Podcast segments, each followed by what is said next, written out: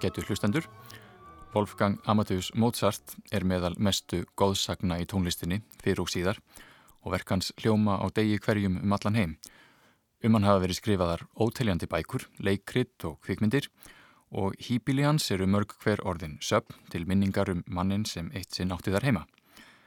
Fræðans er slíkað nafnið er jafnvel nota til að selja hluti sem eru alls ótengdir tónlist, til dæmis Mozart sukulæði og Mozart líkjör. Hann var undrabarn og snillingur samt í ódauðileg meistaraverk en lést langt fyrir aldur fram í sári fátækt og var grafinn í ómertri fjöldagröf, segir sagan. Við komum aftur að þessari síðustu fullirðingu því að góðsögnin Mozart áðastundum til að skikja á staðrindirnar meira en góðu hófi gegnir. Í þeirri þáttaröð sem nú hefur göngu sína er ætlunin að skikjast nánar inn í veröld Mozarts og spyrja spurninga sem stundum vilja gleymast. Hver var fjölskylda Mozarts, samtímamenn og helstu áhrifavaldar og hvernig mótaðist tónlistin af því umhverfi sem hún vart til í? Úr hverju lést Mozart og hver var eiginlega þessi Salieri? Við skoðum hvernig tónlistinni var tekið meðan Mozart sjálfur lifiði og hvort hann hafi verið, eins og yfirskrift þáttana gefur til kynna, miskilinn snillingur. Sumum kann að þykja skrítið að sjálfur Mozart skuli einhver tíman hafa verið miskilinn en hann naut ekki alltaf sannmælis meðan hann sjálfur livði eins og sést best á því að honum bauðst aldrei först staða sem sæmdi slíkum hæfileikamanni. Mozart var einn fyrsti tónsmíðameistarin á Vesturlöndum til að draga fram lífið sem sjálfstækt starfandi tónskáld, ekki af því hann kísið að sjálfur, heldur að því honum bauðst ekkert betra. Við ætlum líka að kynnast betur manninum á bakvið tónlistina. Hver var hann eiginlega þessi Wolfgang Amadeus? Var hann djúbvitur og alvöru gefin listamadur eða var hann kannski bara einfaldur og yfirborslegur, jafnvel ekki annað en hálfgerður trúður, samanber hið fræga leikrit eftir Pítur Schaffer, Amadeus.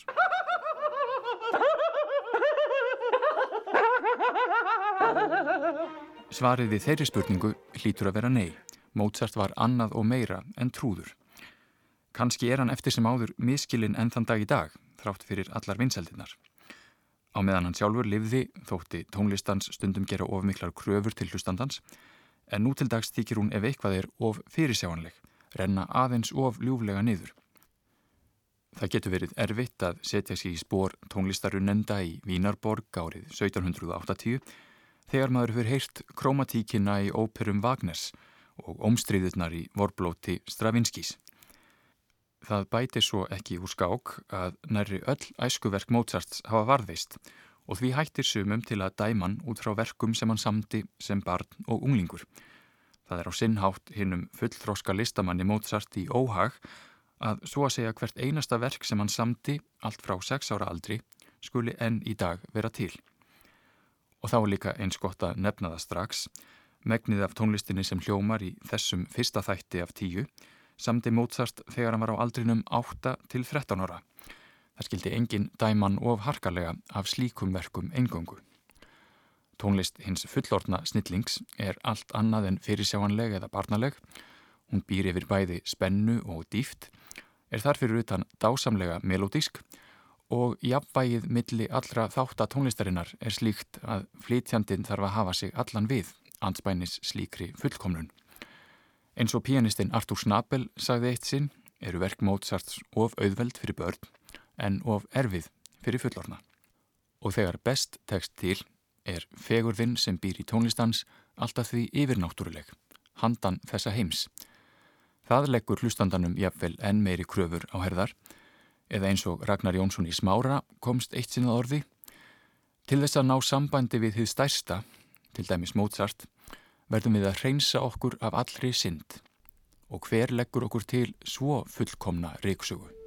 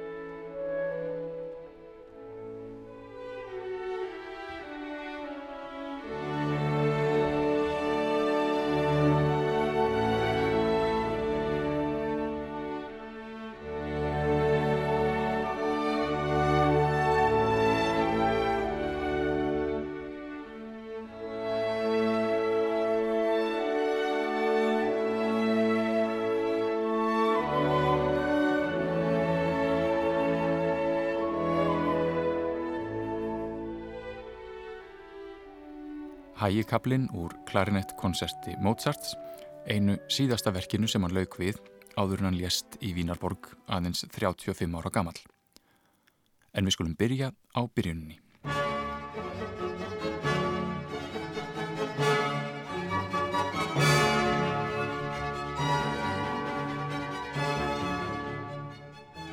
Það var hinn 27. janúar 1756 sem lítill drengur kom í heiminn í Salzburg, sonur Leopolds og önnu Maríu Mozart og fekk nafnið Jóhann Chrysostom Wolfgang Theophilus.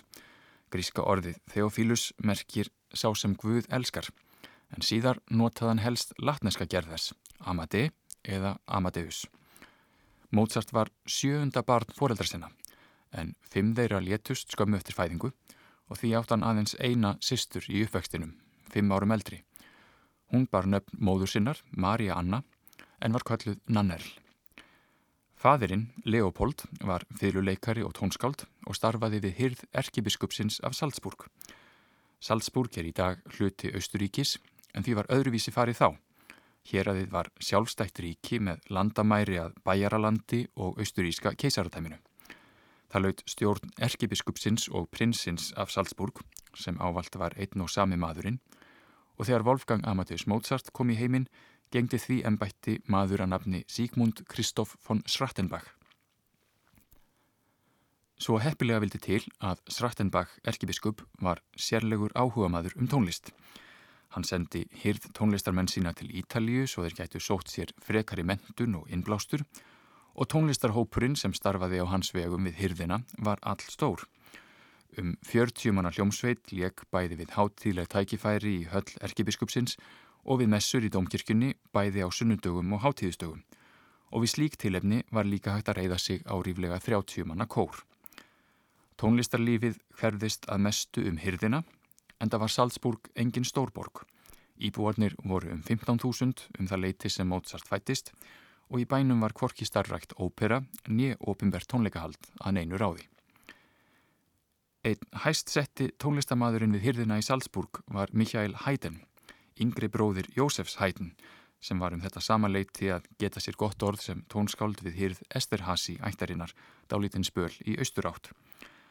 Michael Haydn var afkasta mikið kirkutónskáld og milli hans og Mozart fjölskyldunar var ágætur kunningskapur Wolfgang Littli kunni vel að meta tónlistans en það orð fór af hættin að hann væri helst til drikkveldur og stundum átti orgelspilans það til að fara út um víðan völl ef hann hafði staupað sig fyrir messu.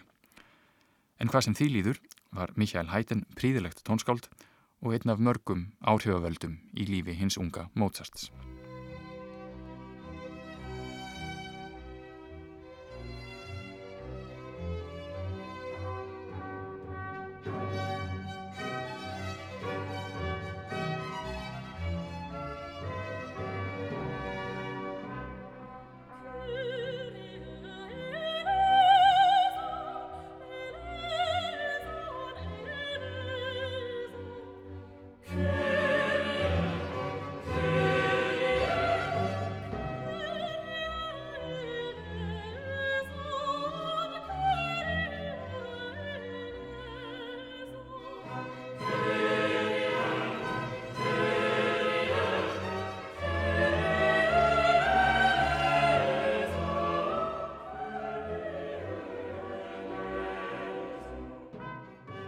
Hér hljómaði upphaf á messu eftir Mikael Haydn, koncertmeistara og tónskáld við hyrð erkibiskupsins í Salzburg.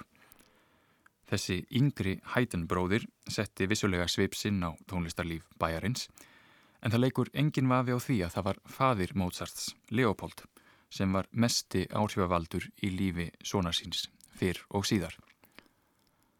Leopold Mozart var fættur árið 1719 og því 37 ára gammal þegar Wolfgang kom í heiminn.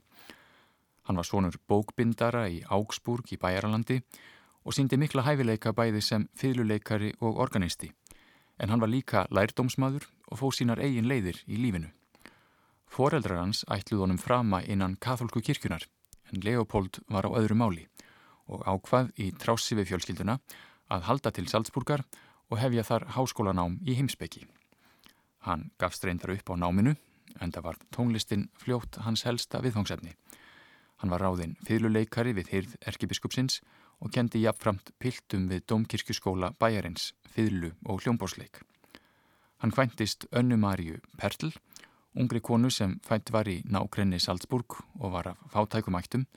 Fadir hennar var heilsuleus og því var fjölskyldan oft á heljar þröm. Það að Leopold skildi kvænast niður fyrir sig, sem og sinnuleysi hans í gard kirkjunar, varð til þess að fjölskylda hans sleit öllu sambandi við sónin í Salzburg og gerði hann arflausan í þokkabót.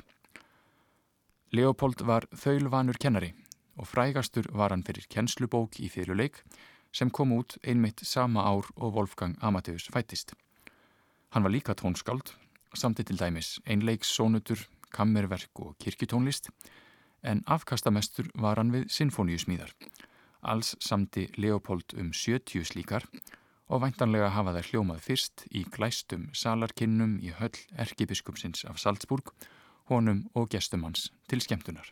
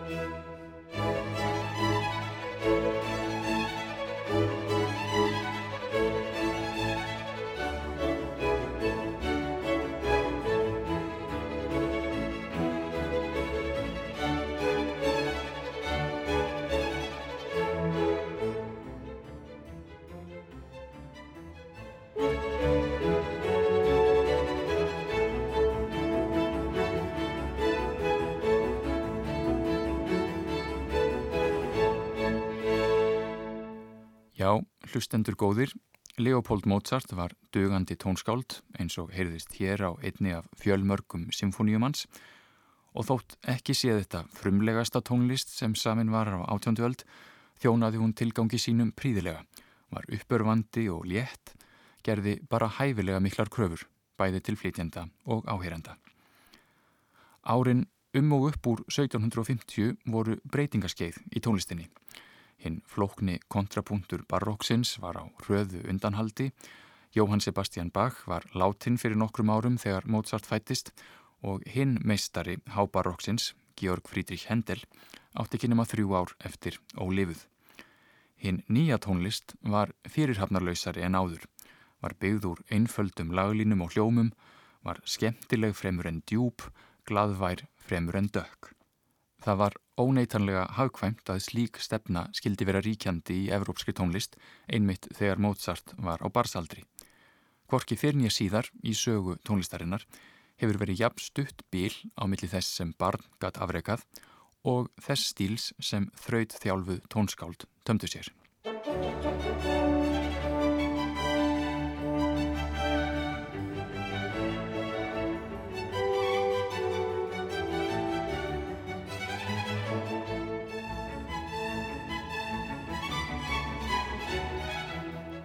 Þegar Wolfgang kom í heiminn bjó Mozart fjölskyldan við Getrætegasse, langa veslunagötu í miðbæ Salzburgar, leiði þar íbúð á þriðju hæð í húsi kaupmannsins Jósefs Hagenáar. Þar var eldús, ein stofa, eitt svefnabergi og skrifstofa. Hér átti Wolfgang heima til 17 ára aldurs og íbúðin var ekki aðeins heimilegans, heldur einnig skóli. Wolfgang gekk nefnilega ekki í latínuskóla bæjarins eins og týðkaðist með unga drengi sem hugðust ganga mentavegin, heldur kendi Leopoldunum heima og hafði því fulla stjórn á námsefninu. Fadurinn kendunum undirstöðu atriði í reikningi og tungumálum, bæði frönsku, ítölsku og latínu, en tónlistin gekk auðvita fyrir öllu öðru. Wolfgang fór að leika á hljómbórsljóðfæri fjögur ára gamall og árið síðar sett hann fyrstu tónana á blað auðvitað með digri aðstóð föðurins.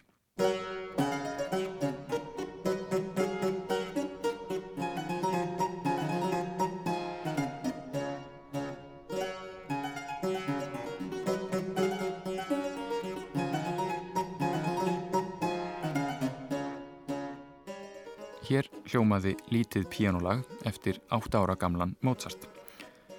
Það er ekkur vegi að rifja upp að í Salzburg árið 1760 var ekkert til sem líktist nútíma flíkli. Þar var engin risavaksinn Steinway til tags. Helstu hljómbórsljóðfærin í þá daga, þau sem Wolfgang handlék miðan að var á barsaldri, voru ólíkt smærri og fingerðari, klavikord og semball. Klavikord, sem við heyrðum leikið á hér áðan, var lítið og handhægt hljóðfæri sem hendaði vel til heimabrúks. Það var síður notað við opimberanflutning en það er tótnin grannur eins og heyra mátti. Semball er kraftmeira hljóðfæri og átti sér langa sögu. Það var eitt helsta hljómbórsljóðfæri baróktímans. Semball hefur ímist eitt eða tvö hljómborð og strengirnir eru plokkaðir með eins konar nögl sem í dag er oftast úr plasti en í þá daga notuðu semballsmiðir krákufjadrir til að laða fram hinn rétta tón. Það stóð semball í íbúð Mozart fjölskyldunar þegar Wolfgang var barnað aldri og það var á slíkt hljóðfæri sem hann samti sín fyrstu tónverk.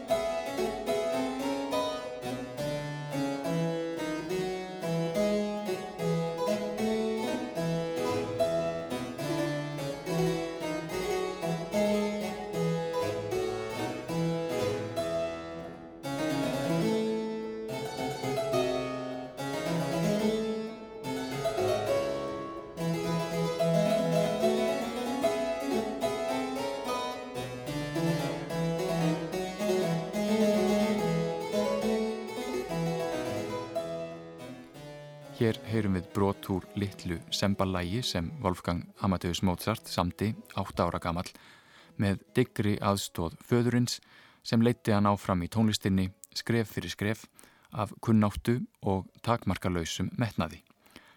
En það tók drengurinn reynd undraverðum framförum bæði sem hljómbósleikari og tónskáld. Og brátt var komið að því að föðurnum fannst tímabært að kynna undrabarnið fyrir heiminum. Þegar Mozart var sex ára helt fjölskyldan til München í þeim tilgangi að hann gæti leikið fyrir kjörfursta Bæjaralands. Skömmu síðar voruðu komin til Vínarborgar þar sem Mozart hlaut tvívegis áheirn hjá Marju Teresíu keisareinu og eiginmanni hennar í henni glæsilegu Sjönbrunn höll. Marja Teresía ríkti samtals í 40 ár og var vinsæl meðal þegna sinna. Hún braut líka blað í sögunni því að þegar fadirinnar lést þótti valda herrum Evrópu það mesta fjärstæða að kona gæti farið með völd í einu mesta ríki álfunar en það litiði af sér austuríska erðastríðið, svo kallaða, sem stóð í nýju ár. Leopold var hæst ánaður með móttökurnar sem fjölskyldan hlaut við hyrðina í Vínarborg. Meðan á ferðalæginu stóð skreifaði hann all nokkur bref til vinafólks í Salzburg og þau eru merkar heimildir um æfi og ferðir hins unga Mozarts.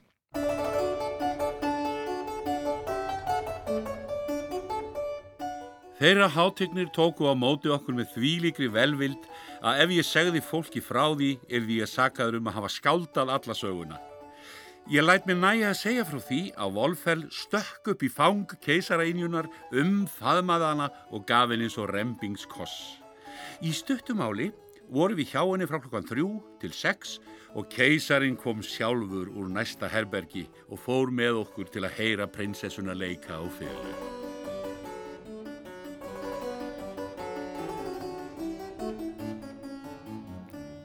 Það voru fleiri en keisaraeinjan og keisarin viðstödd þennan dag í höllinni í Vínaborg. Marja Teresia átti hvorki fleirinni færri en 16 börn með manni sínum og meðal þeirra var dóttirinn Marie Antoinette sem síðar var drottning Fraklands.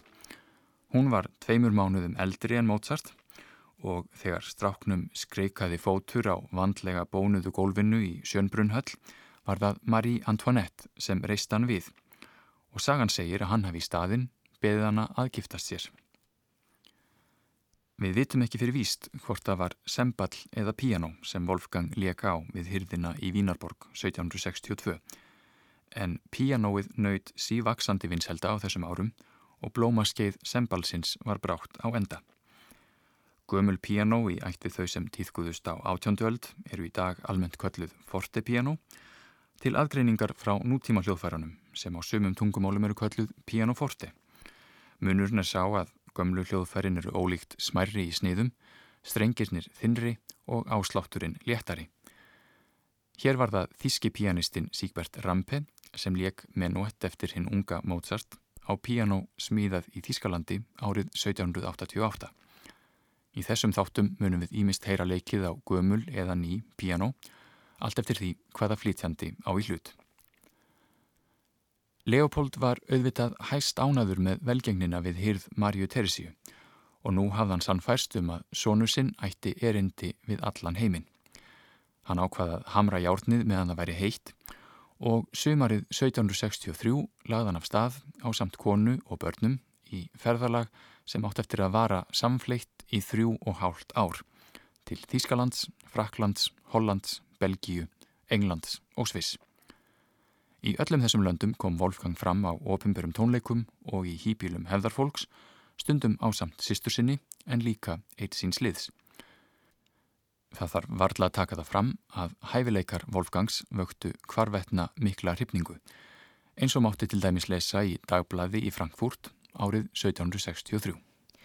Sú almenna aðdáun sem hæfileikar tveggja barna tónlistarstjórans frá Salzburg, Leopolds Mozarts, hafa vakið í brjósti hverslustanda hefur þegar orðið til þess að tvísvarsinnum hefur þurft að endurtaka það sem aðeins áttu að vera einir tónleikar. Þessi mikla hrifning hefur orðið til þess að nokkrir málsmetandi tónlistarunendur hafa óska þess að tónleikarnir verða endurteknir í síðasta sinn í dag. Þar mun stúlkan sem er á tólta ári og drengurinn sem er á sjönda ári ekki aðeins leika á sembal og piano, hinn erfiðustu stykki eftir virtameistara, heldur mun drengurinn einnig leika konsert á fýðlu, leika undir í sinfoníum á sembalinn, auk þess sem lagður verður klútur yfir hljómborðið og hann síðan látin leika rétt eins og hann hefði hljómborðið fyrir augunum. Hann mun einnig verða beðin að nefna nákvæmlega allar nótur sem leiknar eru fyrir hann, ímist stakar eða í hljómum, á hljómborð eða hvaða annað hljóðfæri sem fyrirfinnst. Síðast en ekki síst mun hann spinna að fingrum fram, ekki aðeins á píano, heldur einnig á orgel, eins lengi og fólk fýsir að hlusta og í öllum tóntegundum sem áherindur byggja um, einnig þeim allra erfiðustu. Þau sirkusatriði undrabartsins Mozarts sem hér er líst urðu fljótt ómissandi hluti tónleikahalds hvert sem hann kom.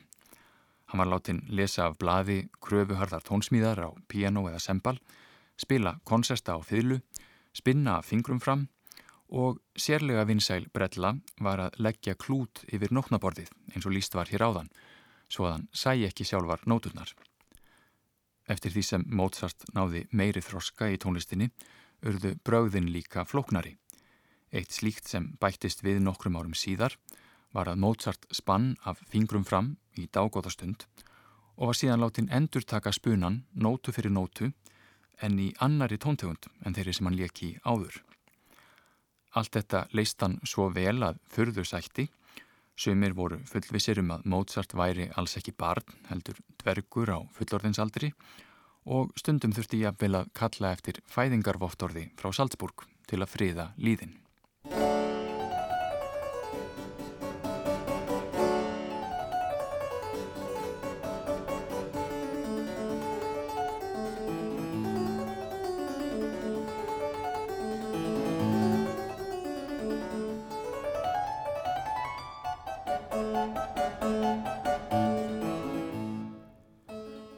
Mozart fjölskyldan hefði aldrei geta lagt í þetta mikla ferðalag, hefði ekki einn maður veitt þeim ómetanlegan stuðning. Schrattenbach erskibiskup veitti Leopold launað leifi frá þjónustu sinni við hyrðina meðan á ferðalæinu stóð, í þrjú og hálft ár eins og áður sagði. Það munaði um minna og kannski var þetta meðal þess sem þurfti til að undrabarnið Mozart gæti náð auknum þroska í listinni. Það sem þarf til að búa til undrabarn er vitaskuld fyrst og fremst ótvíræðir hæfileikar, metnaðar fullur kennari, nær og fjær umhverfi sem stiður við og kann að meta þá list sem barnið á að tilenga sér, en líka í þessu tilviki vinnuveitandi sem sér til þess að allir hafi nóg að býta og brenna, jafnvel þóttinn hverstagslegu störf viki fyrir þörfum og þroska barðsins svo að árum skipti. Srattenbach erkibiskup vissi að hvert sem Mozart fjölskyldan fór var tekið fram hvaðan hún kæmi. Svo að þegar uppvarstaðið var litli snáðin Wolfgang besta auglýsing sem biskupin og hyrð hans í Salzburg gatt nokkur sinni fengið.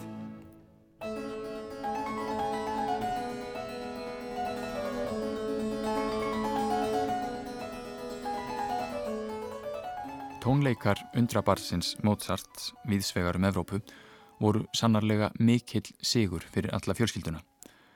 Þeir voru líka fyrirtags gróðalind, jafnvel þótt ferðalögin kostuðu sitt og uppihaldið ekki síður. Mozart fjölskyldan ferðaðist nefnilega í sínum eigin hestvagni, klættist dýrustu fötum og hafði með sér tvo þjóna. En Leopold náði eiga síður að sapna saman töluverðu fjö bæði aðgangsseiri að tónleikum og verðmætum gjöfum, gullúrum, tóbaksdósum og öðru sem týðkaðist að tíin borðnir tónlistarunendur letu af hendi í stað peninga í þáttaga. Bandaríski tónlistarfræðingurinn Meinard Solomon hefur bent á það í æfisögu Mozarts sem kom út árið 1995 að Leopold hafi eiginlega verið með peninga á heilanum, verið sólkin í gróða og gert hvað sem í hans valdi stóð til að drýja tekjurnar af börnunum tveimur En það segir Solomon að hitt mikla ferðalag Mozart fjölskyldunar frá 1763 til 66 hafi hugsanlega verið ápata samasta tónleikaferð í sögu Evrópu fram að þeim tíma. En það var auðvitað feikilegt álag fyrir sjö ára dreng að standa undir öllum þessum væntingum, skila sínu bæði í spilamennsku og sirkusatriðum hvenar sem þess var krafist. Maður veldir því óneitanlega fyrir sér hvernig hefði farið fyrir hinnum stórfenglegu áformum föðurins, hefði eitthvað í ætt við barnavendanemnd verið starfandi í Salzburg á átjóndöld.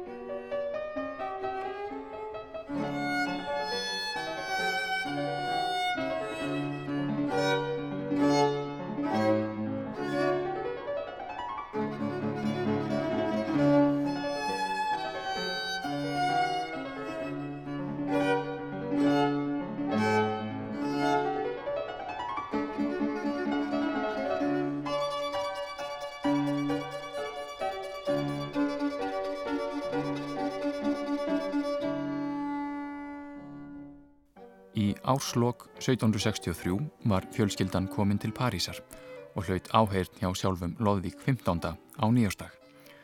Wolfgang og sýstir hans heldur líka opimbera tónleika og áður en þau kvöldu frönsku höfðuborkina kom út á prenti fjórar sónutur fyrir píano og fyrlu. Fyrsta tónlistin eftir Wolfgang sem rann gegnum prentvélarnar. Vel af sér vikið hjá strák sem var nýjórðin átt ára. Þessar sónutur eru með nokkuð öðru sniði en fyrirlusónutur frá 19. og 20. öld þar sem fyrirlan er mjög í forgrunni en píanistinn stiður við. Í æsku sónutu Mozarts er það einmitt píanistinn sem heldur verkinu uppi en fyrirluleikarin er hálfgert aukaatriði. Þetta voru kallaðar píanósónutur með fyrirlumeðleik og slík verknutu mikill að vinsælda hjá áhuga spilurum víða um álfuna. Ástæðan var kannski fyrst og fremst svo að á þessum tíma fór það mjög eftir kyni á hvaða hljóðfæri fólk leik.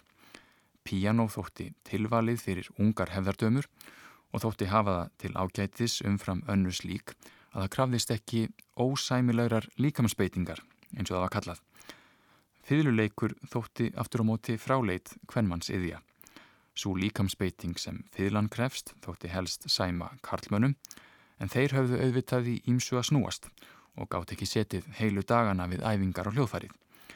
Þess vegna voru píanósónutur með fyrirlu meðleik, fullkominn skemmtun, handa vel æfðum hefðardömum og hinnum minna æfðu körlum í lífið þeirra.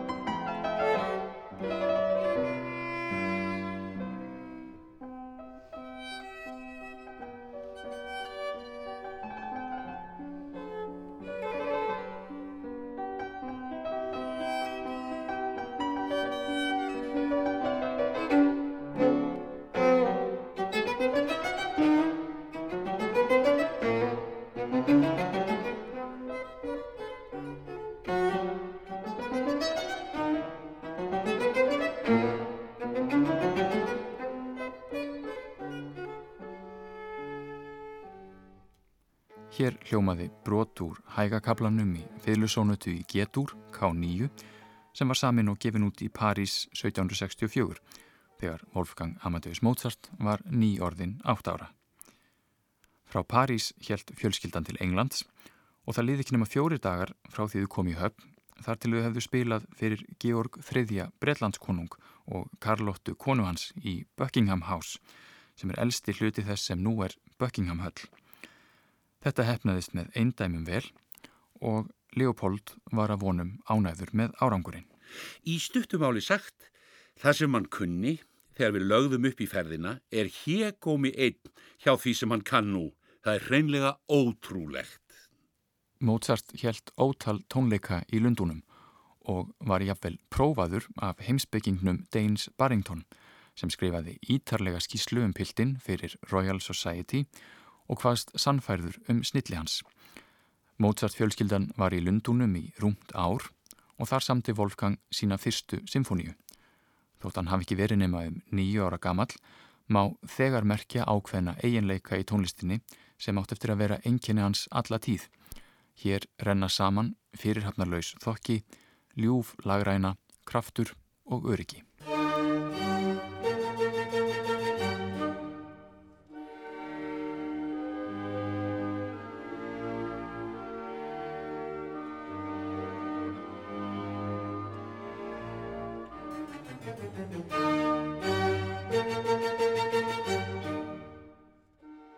Mozart fjölskyldan kynntist fleira merkisfólki en konungsfjölskyldinni meðan á dölinni í Lundunum stóð. Meðal helstu tónlistarmanna borgarinnar var Jóhann Christian Bach, yngsti sonur Jóhanns Sebastians Bach. Hann hafði verið búsettur í Lundunum í nokkur ár, var vinsælt óperutónskáld og let einnig að sér kveða í tónleikahaldi og nótnaútgáfi. Hann var tónlistarkennari Karlottu Drottningar og þegar Mozart fjölskyldan kom til borgarinnar varð Jóhann Kristján hálgerður lærimeistari unga drengsins og mikill áhrifavaldur. Samkvæmt einni frásögn eiga þeir Jóð Bach og Mozart að hafa setið saman við pianoið og spilað sónutur og improviserað strákurinn sitjandi á knjám eldri meistarhans. Hinn lagræni og fyrirhafnarlausi stíl Jóhanns Kristjáns Bach hafði ótvíræð áhrif á hinn unga Mozart og meðal fyrstu pianokoncertans eru þrjú verk sem eru útsetningar fyrir piano og hljómsveit á einleikssónutum fyrir piano eftir hinn unga Bach. Það var svona sem Mozart lærði að semja pianokoncerta, setna var þann likilmaður í að þróa þessa grein tónlistarinnar og samti ódauðilega koncerta frá eigin brjósti, en einhver staðar verðum aður jú að byrja.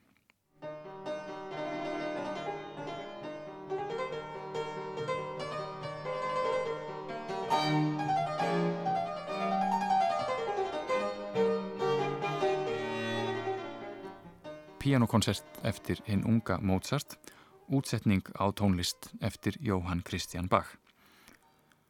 Frá Englandi hjælt Mozart á samt fjölskyldu sinni til Hollands. Þar tók við enn meira tónleikahald og það var í hag skömmu eftir tíu ára amalistægin sem Wolfgang Littli samti pianotilbriði um lagið Willem von Nassau um Vilhjálm I sem leitti uppreist hollendinga gegn Spánverjur á 16. öld. Þetta lag kunni hvert mannsbarn í Hollandi þegar Mozart var þar í heimsók og enn þann dag í dag eru heimamenn að syngja um Vilhjálm af Nassau því að þjóðsöngur hollendinga er einmitt um þann mæta mann.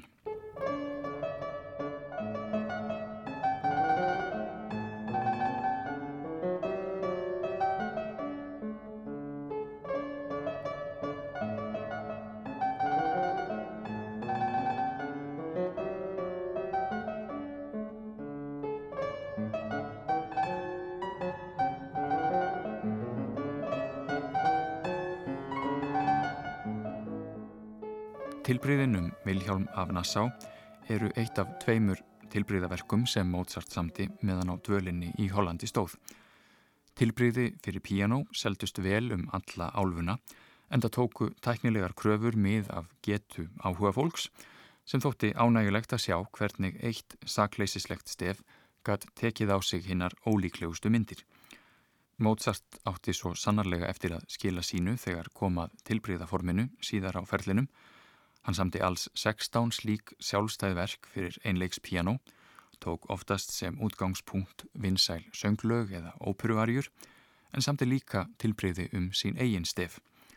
Ótal fleiri tilbreyði er líka að finna í öðrum verkum hans, til dæmis sónutum og konsertum. Tilbreyðin um hollenska lægið um Vilhjálm af Nassá voru ekki nema byrjunin og hún lofaði góðu.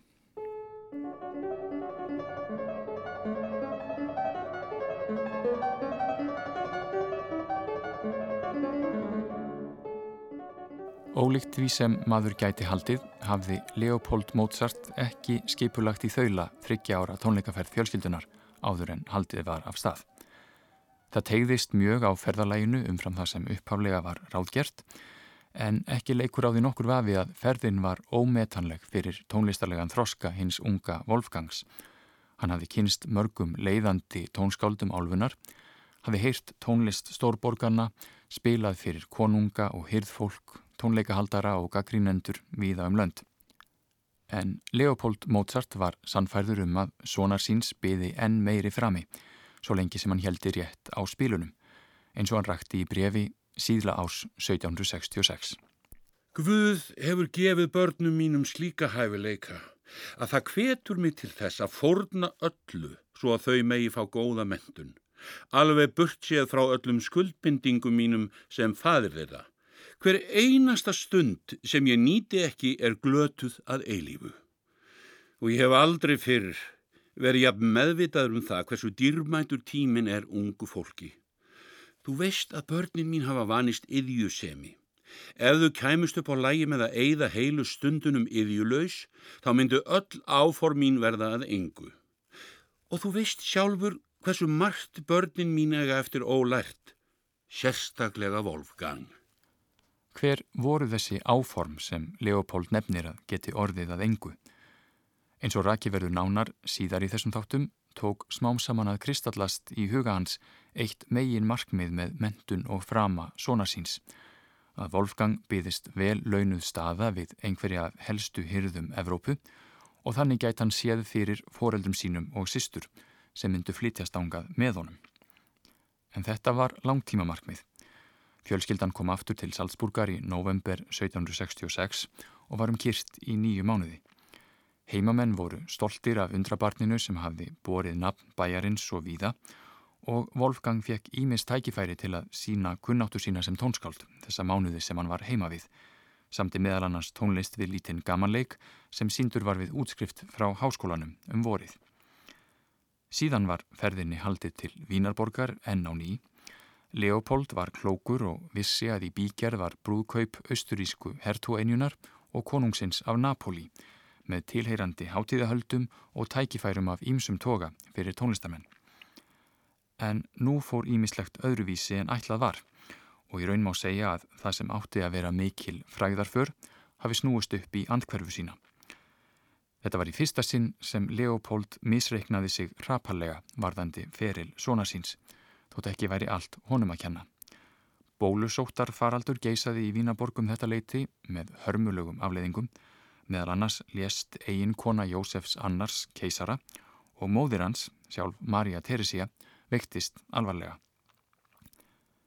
Hertuga einjan Jósefa lést sömuleiðis svo að ekkert varð úr fyrirhuguðu brúköpi og við tók sorgartími sem þýtti að enga atfinnu var að fá fyrir tónlistafólk. Leopold hjælt með fjölskylduna burt úr borginni, þánga sem nú er austur hluti Tjekklands, til að forða þeim frá smiti. En þó fór það svo að bæði Wolfgang og Nannerl sýstir hans veiktust. Samkvæmt endurminningum sýsturinnar var Wolfgang um skeið milli heims og helju og misti alveg sjónina í nýju daga. Hann brakkaðist þó fljótt og það var í Olmuts, þánga sem þau höfðu flúið undan veikinni sem Wolfgang samti eina af áhugaverðari æsku-symfóníum sínum, nummer 6 í rauðinni. Hún var frumflutt í desember 1767, rúmum mánuði fyrir 12 ára amalistag Mozarts.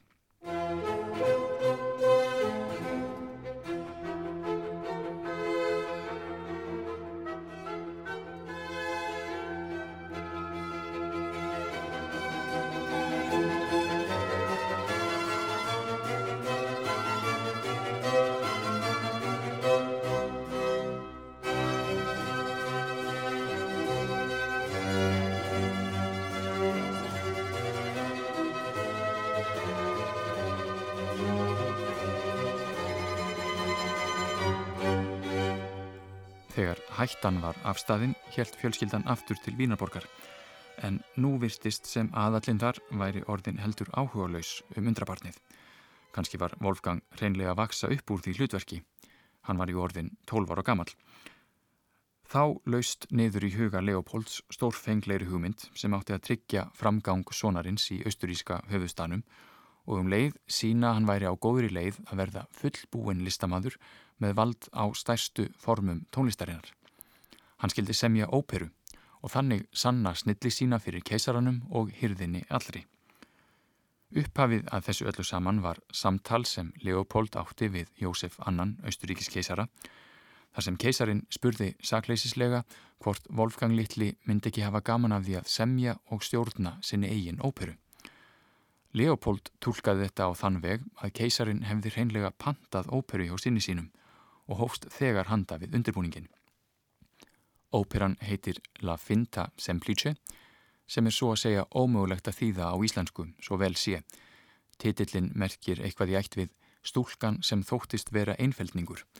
Það er að segja söguhetjan Rósína er stúlka sem þykist vera fávís en hefur alla þræði í hendi sér og fær öllu sínu framgengt. Þegar verkið hefst er bróðir Rósínu, Fracasso, yfir sig ástfangin en stúlkan Sú á tvo bræður sem hún óttast að muni finna meinbugi á ráðahagnum. Þá skrúar Rósína frá sjarmanum og henni tekst að fá báða bræðurna til að falla killiflata fyrir sér. Þegar tjaldi fellur hafa þeir gefið vilirði fyrir brúköpunu rétt eins og aðvar stemt. Í einni af hinnum stærri arium óperunar gefur Rósína kynsistrum sínum góð ráð Hún bendir á að klókar konur hægi sér eins og bergmálið, endur ómi aðeins það sem þegar hefur verið sagt. Þegar karlmenn gera hósu sínar grænand fyrir þeim eða þar að svara með blíðum ástarorðum, en þær skildu hafa varan á sér og forðast að láta uppi nokkuð það sem gæti komið þeim í koll síðar.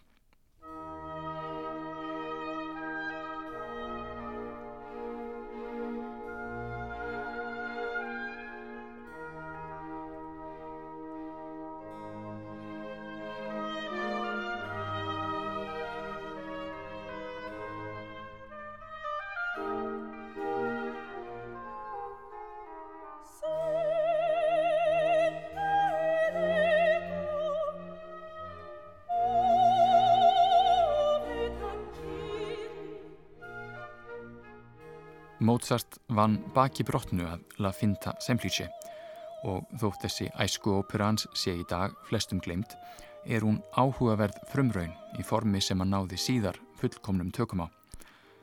Þetta var á sínum tíma viðamesta verk sem Mozart hafði samið, tæpar þrjár klukkustundir af tónlist, alls 21 aria, auk forleiks, recitatífa og hópaatriða.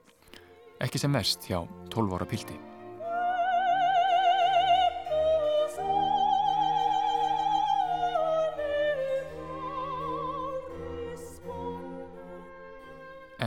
Allt erfiðið var til einskis. Áformaður flutningur í Vínarborg fór út um þúfur eins og Leopold rakti í brefi til vinarsins í Salzburg skömmu síðar. Þú getur ímyndaðir uppnámið sem varð meðal tónskáldana. Hver fjárin? Í dag spilum við músuk eftir glúk en á morgun á tólvar á stráklingur að sitja því sembalinn og stjórna sinni eigin óperu. Öll tónskáld Vínaborgar Þeirra á meðal glúk sjálfur hafa reynd að eidilegja áform okkar. Eva semdum var sáð meðal söngvarana. Hljómsveita spilararnir snerust gegn okkur og allt gert til að hindra að óperan kæmist á svið. Þá var því haldið fram að strákurinn hefði alls ekki samið óperuna, heldur fadir hans. En auðvita kom í ljósa slúðrararnir höfðu á raungu að standa og að endingu gerðu þeir sjálfa sig að fýblum. Með öðrum orðum, þegar óperan var fullgerð og æfingar hafnar, fór sá orðrómur að berast um borgina að verkið væri alls ekki eftir Wolfgang, heldur Leopold föður hans. Leikústjórin sem hafði samþygt að setja verkið upp, gugnaði á öllu saman og vildi fresta frumsýningu og söngvararnir höfðaði áhyggjur að ef verkið gengi illa, yrði það sjálfum þeim til mingunar. Hvort sem Leopold hafði rétt fyrir sér eða ekki, Trúðan því statt og stöðugt að valdamestu tónlistarmenn hýrðarinnar hefðu unnið gegn hagsmunum þeirra feðga og skemmt orðspór þeirra. Hann nefnir jafnvel sem sökudólk ókríndan óperumeistara borgarinnar um þetta leiti. Mannin sem sagður var hafa blásið nýju lífi í hinna alvarlegri grein ítölsku óperunar og bjargaðinni frá stöðnun. Sjálfan Kristóf Willibald Glúk.